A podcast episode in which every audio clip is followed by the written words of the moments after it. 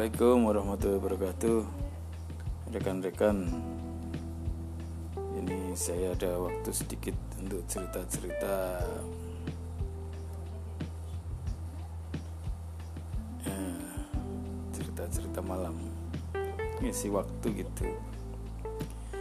Beberapa hari yang lalu, dua hari yang lalu Saya dapat kabar itu. Saya kan ikut ya di grup kawan-kawan SMP itu. Angkatan 86 86 saya SMP kawan saya ada yang yang maaf meninggal. Informasinya kena covid. 19 jadi innalillahi wa inna ilaihi rajiun. Mudah-mudahan diterima amal ibadahnya dan diampuni segala dosanya. Keluarga yang ditinggalkan diberi kesabaran dan ketabahan. Ya itu kawan saya waktu dulu waktu sekolah STM ya. Kawan nyepeda gitu tiap pagi selama tiga tahun nyepeda dari Karangawan dari Brambang itu ke kelurahan Brambang desa Brambang. Ke Semarang itu tiap pagi. Dia sekolahnya beda sih. STM 1 saya STM pembangunan. Jadi eh, di tengah jalan udah masuk kota Semarangnya itu eh, udah terpisah karena sekolahnya beda waktu itu kawan saya ada dua orang yang sering berangkat itu. Waktu saya kelas 2 karena STM saya kan 4 tahun. Dia sama satu SMP waktu masuk pertama itu dia masuk ke STM pembangunan. Sama dengan saya cuma jurusan berbeda. Dan dia waktu itu tidak tidak diterima. Dia ngambil elektronik. Saya waktu itu si bangunan air saya yang keterima memang peringkatnya levelnya itu kalau dulu itu kalau sekolah jurusan tertentu memang nemnya harus tinggi. Sementara nem dia nggak nyampe. Kalau saya sih nyampe kalau jurusan saya tidak terlalu tinggi yang dibutuhkan nemnya tapi termasuk sekolah favorit sekolah saya itu. Sekolah saya bangunan sekolah sekolahnya 4 tahun. Kalau yang STM negeri yang lain kan cuma tiga tahun. Jadi satu tahun itu penjurusan. Nah cerita-cerita kawan saya yang kena covid ini dia kawan saya ini lucu orangnya waktu itu zaman zaman itu tuh kita kalau nyepeda sepanjang jalan cerita aja jadi cerita apa aja semangat itu. Karena rumah dia itu saya lewati kalau ke arah Semarang. Jadi saya kadang-kadang kalau berangkat ya mesti nyamperin dia. Nyamperin dia itu dia masih siap-siap. Aku masukin aja ke kamar masuk ke kamar itu kan udah.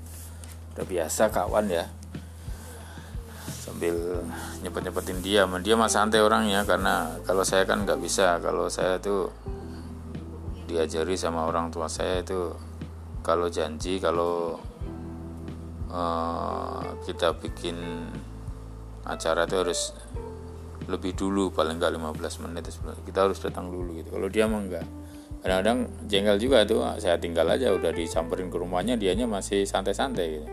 Tinggal aja Nah seperti itu. Sampai pernah ada cerita yang lucu lagi. Karena asik ngobrol Itu kalau nggak salah udah kelas berapa? Kelas 3 ya? Kelas 2 apa kelas 3 gitu. Baliknya Kalau baliknya tunggu-tungguan gitu. Kalau yang pulang duluan nanti kita nunggu di masjid Sholat Sholat du, asar gitu ya. Ya nunggu gitu. Atau kalau saya duluan ya saya nunggu gitu. Nanti pulangnya baru sama-sama gitu sama-sama di jalan cerita gitu ya. Asik juga sih. Dulu sepedanya bukan sepeda kayak sekarang. Ada juga yang sepeda kayak sekarang tapi mahal. Dulu saya cengki sepeda cengki sepeda on, onta gitu. Sepeda zaman dulu zaman jadul gitu dia juga pakai sepeda jadul saya juga pakai sepeda jadul. Tapi kawan saya udah yang keren tuh pakai sepeda balap dia malah.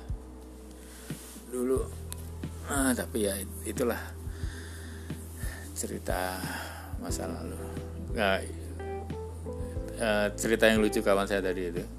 Kan kita pulang nih pulang udah dia udah nunggu duluan di masjid itu. Nah, kita masjidnya sama kita barengan gitu. Saya waktu itu bertiga dengan kawan saya yang almarhum ini sama satu lagi ada kawan. Dia sekolahnya sama dengan kawan yang meninggal itu dengan kawan satu lagi sama. Satu SMP dia juga dia kelas kelas 1 baru masuk di kelas itu karena waktu daftar di SD bangunan kan dia nggak masuk masuk SMA satu tahun berikutnya. Dia kelas 1 saya udah kelas 2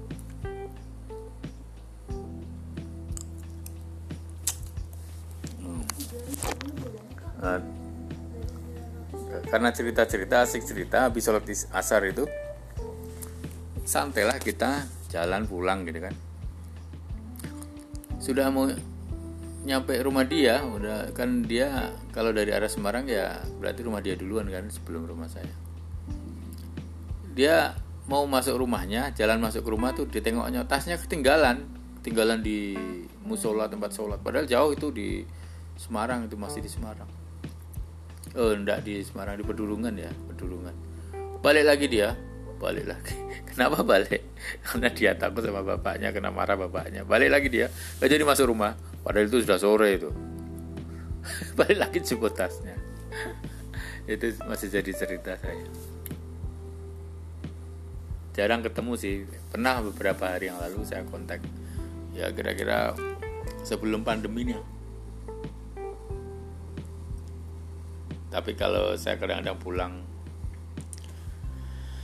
ke Semarang juga kalau pas sempet saya kontak. Kalau pernah sih saya mampir ke rumahnya jauh rumahnya tempat istrinya itu jauh.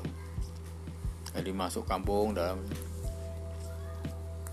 Ya sekarang usahanya ini buka servis. Servis elektronik.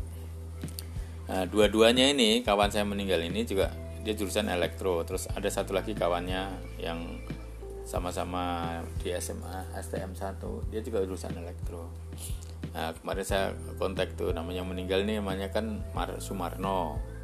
Nah Sumarno. Kalau yang kawan satu lagi itu yang elektro namanya Imron Mas Hadi. Kemarin saya sempat telepon sama Mas Imron saya tanya kenapa? Emang sakit apa? Itu oh iya. Ya itulah kadang-kadang ini informasi masyarakat ini beda-beda. Ada yang lebih pinter atau nggak tahu ya. Dia tuh pakai sumber itu kadang ngambilnya dari medsos dari grup-grup dia dari kawan. Namanya medsos itu kan bukan anu ya bukan media yang apa resmi. Karena apa? Data itu kan kalau di share itu bisa diedit bisa dikurangi bisa ditambah. Gitu. apalagi itu cuman bisa aja gampang semua orang bisa kadang-kadang itu yang tersebar. Nah, cerita-cerita itu saya karena saya dikirimi datanya yang katanya dari puskesmas itu memang almarhum ini sebelum meninggal ini sempat dirawat. Terus sempat dilakukan beberapa tes swab itu positif gitu. Tapi pas waktu meninggal pas meninggalnya itu tes swabnya belum keluar. Belum belum keluar lima kali sebelumnya itu tes swab positif positif terus. Jadi ya mungkin karena itu. Tapi kawan saya yang satu ini juga nggak begitu anu denger dengar tuh. Masih mempertanyakan katanya corona ini konspirasi apa gitu. Kalau cerita-cerita sih ya ya sebetulnya konspirasi itu bukan cuma sekarang ya. Dari dulu sudah ada karena ya itu tadi banyak orang memahami informasi itu dari grup-grup atau media-media yang tidak resmi. Jadi ya ditengok kepentingannya aja. Atau yang nggak teliti nggak cross check ke badan resmi dia komen gitu. Akhirnya orang menjadi terpengaruh. Dan sulitnya kita yaitu ya melihat seperti itu ya akhirnya gimana ya ya kita harus pinter-pinter lah kalau menghadapi situasi seperti itu. Satu sisi kawan kita atau saudara kita keluarga kita kadang berdebat hanya masalah satu bahasan tapi karena informasinya berbeda-beda terus kita juga nggak punya referensi yang benar. Jadi debatnya debat kusir ya nggak ada jentrumannya terus akhirnya ya jaga jarak saling apa padahal sebetulnya beda persepsi saja sih Oke, kembali di situ lagi. Kawan saya yang Imron ini cerita-cerita.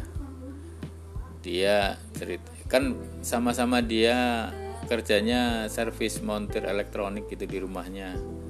Mas Imron punya bengkel sendiri di rumahnya. Sumarno ini kawan saya juga punya bengkel sendiri di rumahnya. Cuman cerita Mas Imron tadi.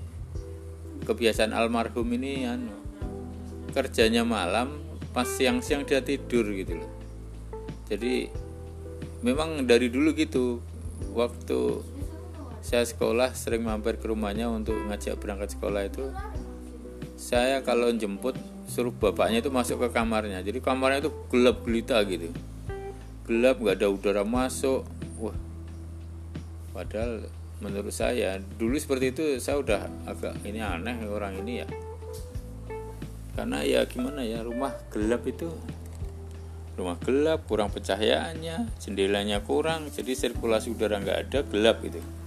Itu tempat anu kalau saya kayak gitu. Tempat makhluk-makhluk yang nggak kelihatan jadinya. Coba kalau terang jadi pikiran kita kan terang enak udara berganti sirkulasi yang bagus jadi sehat kita. Karena suasana yang yang enak itu ya manakala terang udaranya bagus itu jadi kita nyaman. Jadi cerita-cerita gitu Mas Imron tuh itu iya Mas almarhum itu memang gitu dari dulu. Ternyata kebiasaan yang dulu sampai sekarang nggak berubah.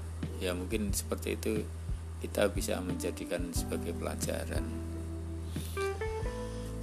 Ya mudah-mudahan almarhum diterima amal baiknya dosa-dosanya diampuni dan keluarga yang ditinggalkan diberi kesabaran. Ini semua cuma cerita ya jadi kita nggak perlu pelajaran yang bisa kita ambil. Yang baik ya kita ambil yang nggak baik ya nggak usah gitu aja karena apa semakin kita tua ini kadang-kadang senangnya itu ya ngobrol sama kawan atau informasi saling tukar informasi itu menjadi sesuatu yang yang menyenangkan. Kita ingat hal yang lucu-lucu dulu waktu sekolah. Kadang-kadang gak gitu cerita sama anak-anak itu. Oke terima kasih. Besok kapan-kapan kita sambung lagi